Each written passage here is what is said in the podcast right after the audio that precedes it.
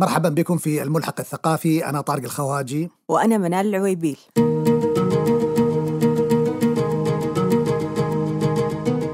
نرحب بكم في هذه الحلقة ونقول مساء الخير أو ربما صباح الخير. آه هذه الحلقة حلقة مختلفة استثنائية.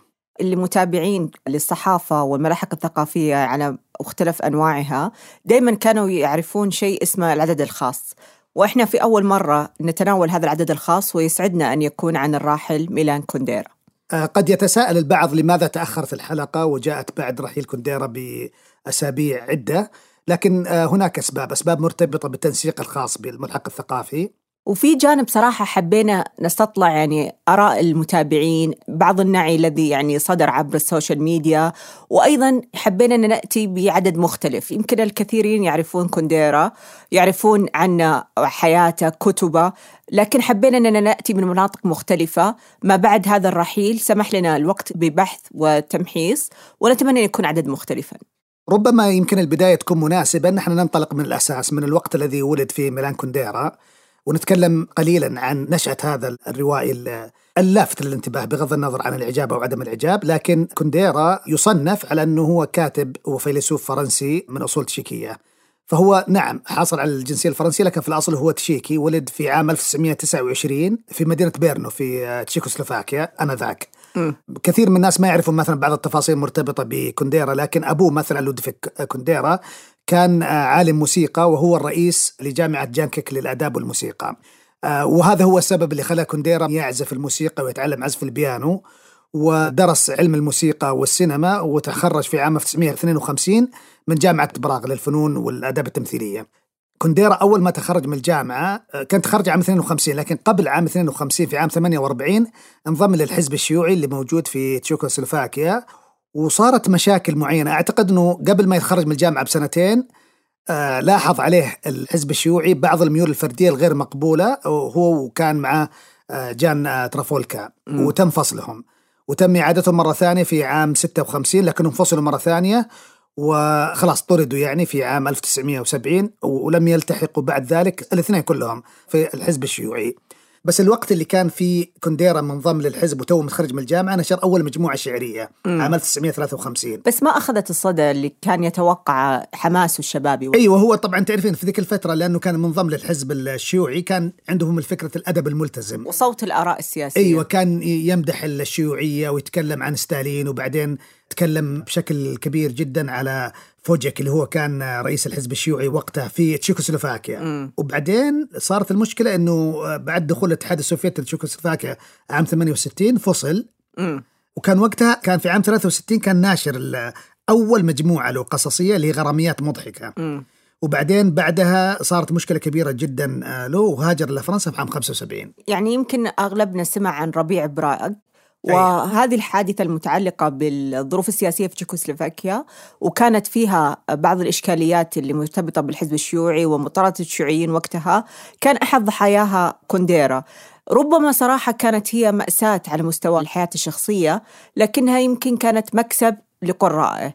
يعني هذا التحول والانتقال بغض النظر عن المساحات اللي أعطاه إياها من جانب إنساني أنه نال الجنسية الفرنسية استطاع الإقامة في باريس هو كان سبق وتعلم اللغة الفرنسية فما كانت غربة بمعنى غربة اللسان والحياة نعم. لكنها في نفس الوقت يعني حملت أشجان نقدر نقول إنها ظلينا نقرأها وهي يمكن النقطة أساسية في أدب كونديرا تناولناها أيضا في خبر وفاته في الحلقة قبل الماضية في الملحق الثقافي لما ذكرنا أنه قد يكون عرابة للاغتراب.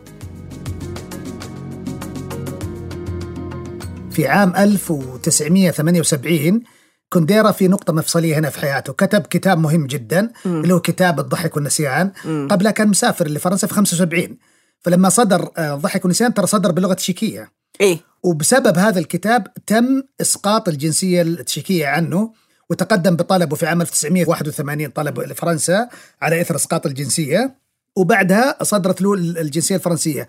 ففي بعض الناس ما يعرفون مثلا إنه هو جنسيته أسقطت عنه. يعني هو لم يتخذ الفرنسية جنسية إلا بعد إسقاط الجنسية ولم يقرر في عام 95 عندما كتب كتابه العظيم البطء إلا بعد أن رأى أنه تم فصل عروق بالكامل عن وطن الأم اللي هو آه، تشيكوسلوفاكيا اللي أصبحت وقتها خلاص آه، جمهورية تشيك فقرر إنه خلاص يعني بما أنه تم قطع عروقي الكاملة سواء العروق الوطنية أو العروق اللغة سوف أكتب بلغة جديدة اللغة الفرنسية التي قدرتني ومنحتني الجنسية ووضعت لي مكانة في التدريس سواء كان في جامعة رين أو لاحقا في باريس وأصبح له يعني مكانة مقدرة. يعني بغض النظر عن الإعجاب أو الكراهية اللي أحيطت بهالة وفاته هل الفرنسيين هل هم معتزين فيه كأنه فرنسي؟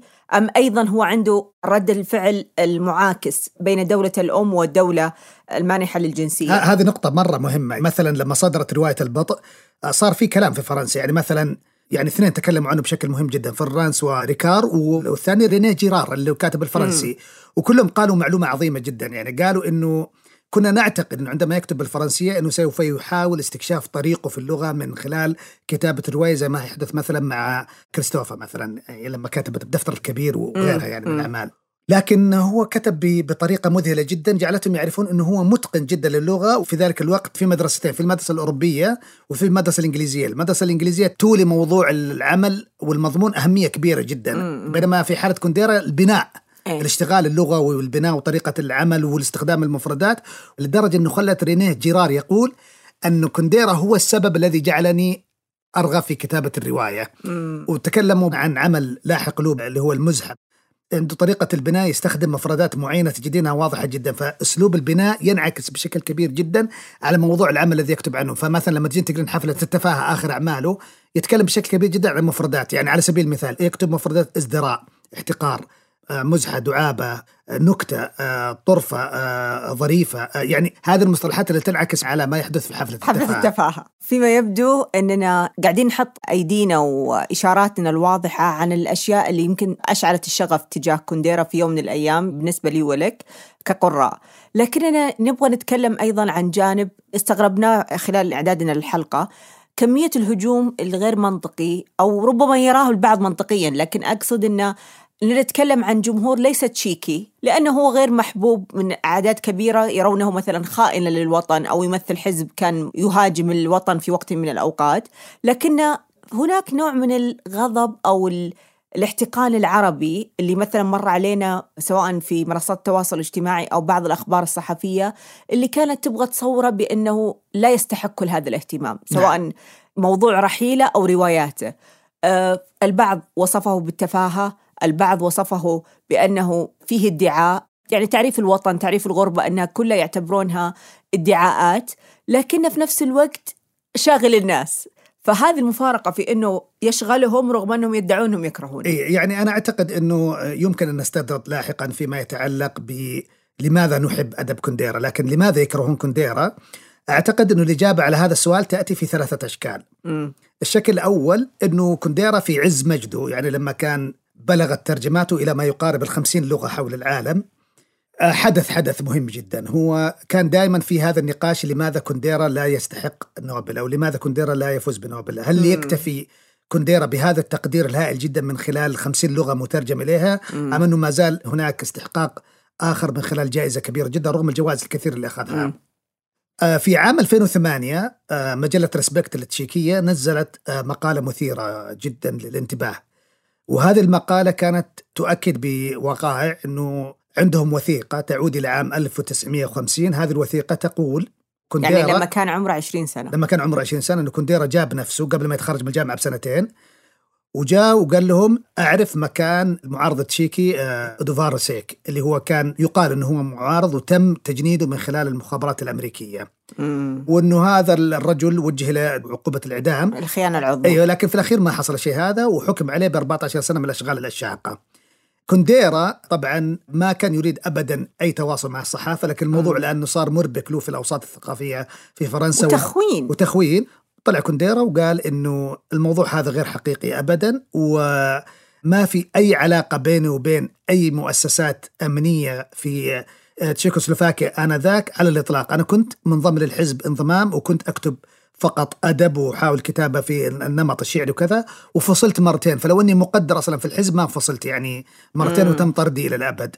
آه وخلاص بعدها كونديرا قرر ابدا أن لا يفتح هذه الصفحة مع الصحافة أو يقبل بمقابلة تحاول أن تساله عن هذه النقطة المرتبطة ب خلينا نقول خيانة من خلال التواطؤ مع السلطات الشيوعية وقتها.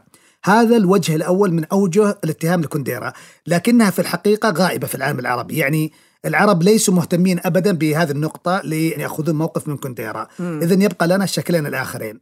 شكل عنده موقف من كونديرا بسبب قبوله جائزة القدس آه وإلقاء خطاب القبول.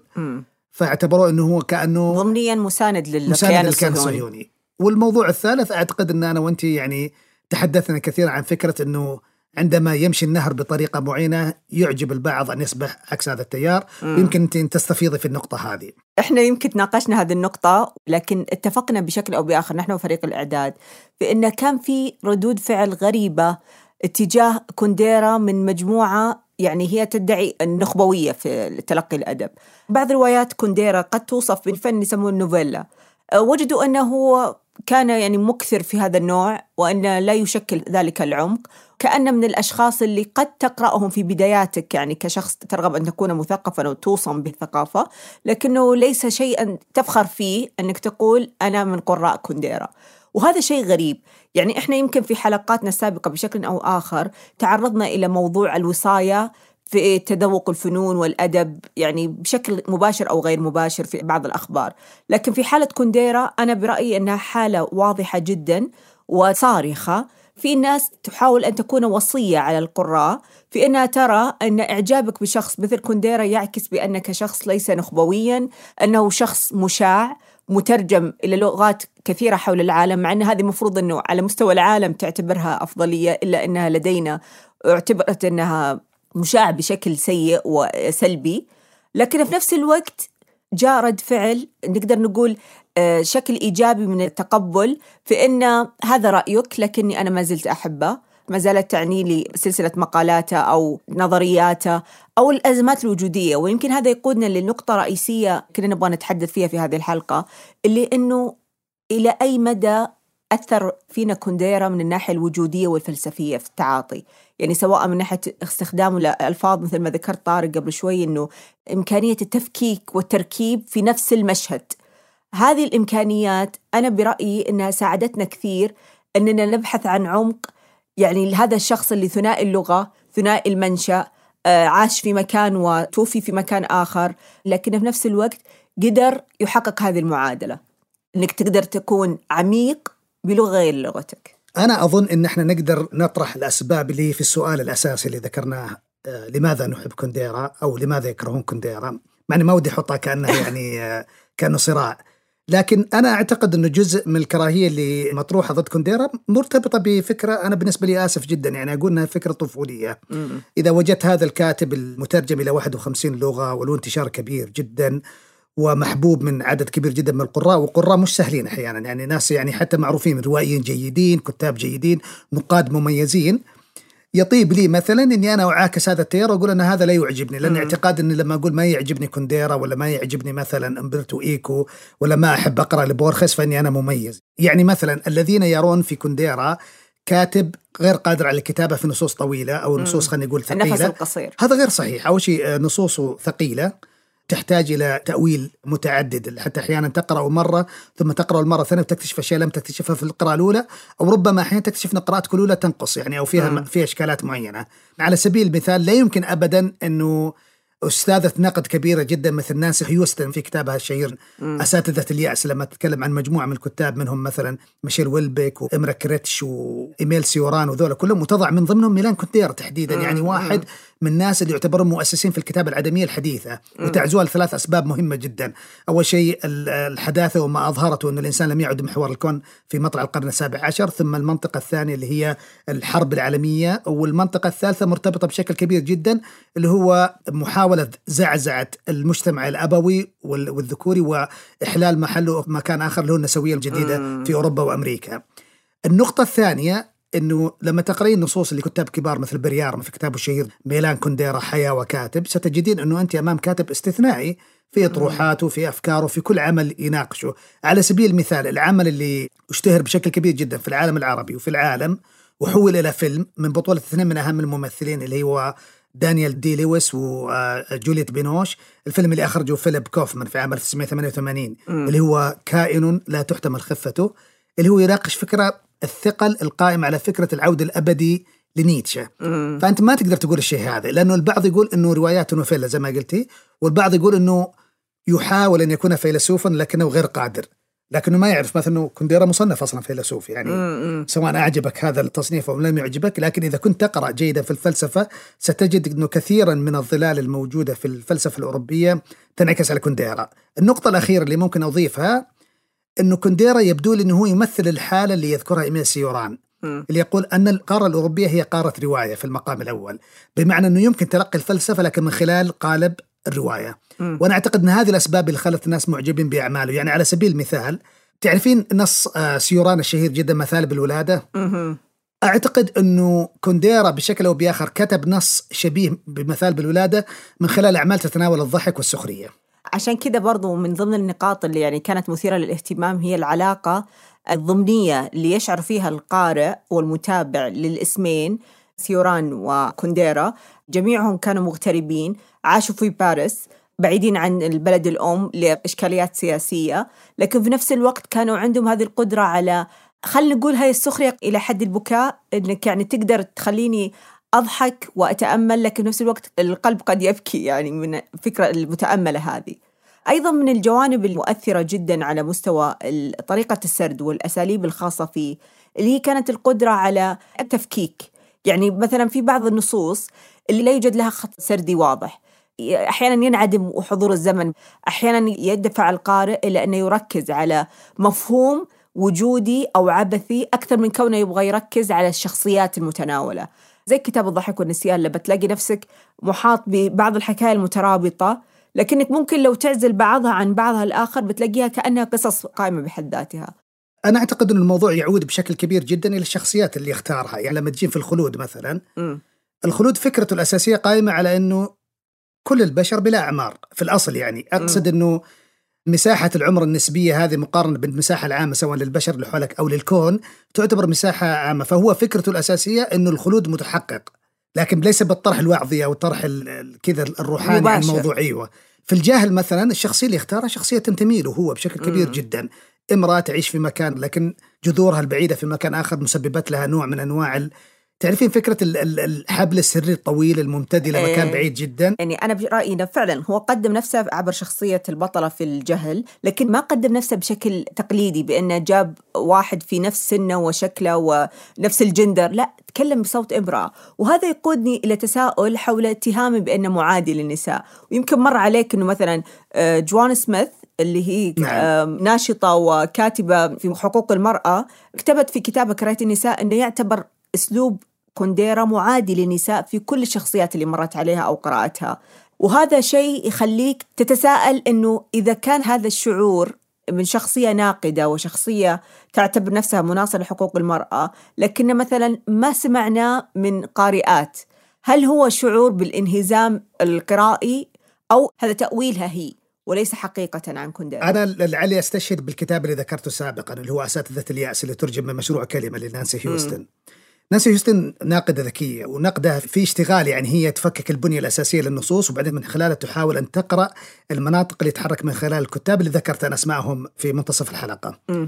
فهو إذا جينا نبغى نقول كتاب عندهم موقف من المرأة ما نستطيع أن نتوقف عند كونديرا بنروح أبعد من كذا بنتكلم م. عن حتى كتاب فرنسيين مشهورين جدا هي حقبة نقدر نقول اي الحقبة اللي من طفرتها خرجت كتابة روائية بهذا النمط م. فهم متهمين بأنهم عندهم مثلا حنين للنظام الأبوي. يعني دائما تقال عنهم النقطة هذه. لكن في الحقيقة إنه القارئ النصوص هذه سواء كان رجل أو امرأة ما يشعر بالشعور هذا بس لأن هؤلاء نقاد يصنفون من خلال المدرسة اللي ينتمي لها. فيصير هذا الموقف موجود. يعني على سبيل المثال متى صار الكلام عن بيكاسو فيما يتعلق بعلاقته بالنساء بشكل واضح جدا؟ بعد وفاته. فهذه من القضايا اللي دائما تثار بعد الوفاة. دائما يقال إذا سقط الجمل كثرة سكاكينه لا لا لا لا لا, لا, خ... دقيقة لا أتفق بتاتا لا لا أنا ما أقصد أنه بيكاسو نموذج. لا لا يعني أنا أقصد أنه نوع أنه هذا الأمور كان جيد أنها تثار وكونديرا عايش لكن إنها تثار بعد موت كونديرا دائما هذه الأشياء تحدث في كل أحد. دائما تثار حوله أقاويل بعضها صحيحة وبعضها غير صحيحة وأسحب كلامي عن بيكاسو. لا أنا مو بس صراحة تعاطفا معك بيكاسو بس أنا ما راح أتكلم بصوت جميع النساء بتكلم بصوت كما قرأت كونديرا وكما مثلا عرفت حتى حالات يعني مشابهة تاريخيا مثل بيكاسو. في بعض التفاصيل وبعض التجارب الإنسانية يعني بغض النظر عن كونه كاتب أو عدمه هي تعكس نفسها. مثلا زي جانب كونديرا هو لم يتهم يوما مثلا بإساءة للنساء بشكل شخصي أو زوجته أو ما إلى ذلك لكن حين يلمس هذا الجانب فيه في إبداعه هو اللي يخليه على مقصرة المحاكمة بشكل أو بآخر. بيكاسو حكم من جانب شخصي وليس الجانب الإبداعي. فأنا فهمت قصدي أنه هذه المنطقتين إذا تداخلوا هي بالنسبة لي المصيبة. إذا كان شخص هو سيء في حياته العامة وسيء في إبداعه هو اللي يخليه نقدر نقول الخط الأحمر يوضع عليه. يعني بس أنا لما أقرأ كونديرا الأشياء اللي خليني أقول تجذب انتباهي وتخليني مستمتع جدا بالقراءة م. إني ما أنتبه للملامح اللي يقولون هذه فيما يتعلق بالشخصيات ومحاولة التعامل معها م. بقدر ما أنتبه مثلا لطريقته في التفكير يعني مثلا هو يبان بشكل كبير جدا إنه متأثر بديكارت وهوسلر مثلا في الفلسفة م. وفي الكتابة الروائية عنده طريقة شبيهة بجيمس جويس يعني كأنك تحسين إنه جويس آه، تولستوي طبعا ذولا يكتبون كتابة ضخمة متوسعة لكن هو كتابة مقتضبة ومبتسرة م. حتى فيما يتعلق مثلا بطريقته في التفكير باليونانية القديمة على سبيل المثال شخصية كائن لا تحتمل خفته م.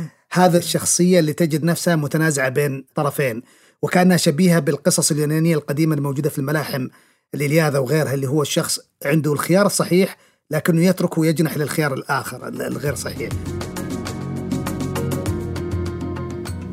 ننتقل الآن إلى عالم ربما يغيب عن كثيرين اللي هو العالم المتعلق بصناعة الأفلام المرتبطة بأعمال لكونديرا. زي ما ذكرنا قبل قليل أنه كان هو عنده تجربة جيدة وطويلة في عمله آه، وقبلها كان في دراسته في أنه درس السينما. أيضا فترة عملي كمحاضر تقاطع مع عدد كبير من الفنانين والنجوم سواء في الوسط الباريسي أو لما عاش فترة في تشيك قبل الانتقال. لكن قليل مر عليهم يمكن لأن الأفلام إلى حد ما تعتبر قديمة. أبرز هذه الأعمال هي كائن لا تحتمل خفته اللي ذكرتها قبل قليل. مثل ما ذكرت الفيلم من بطولة دانيال داي لويس وجولييت بينوش ولينا أولين.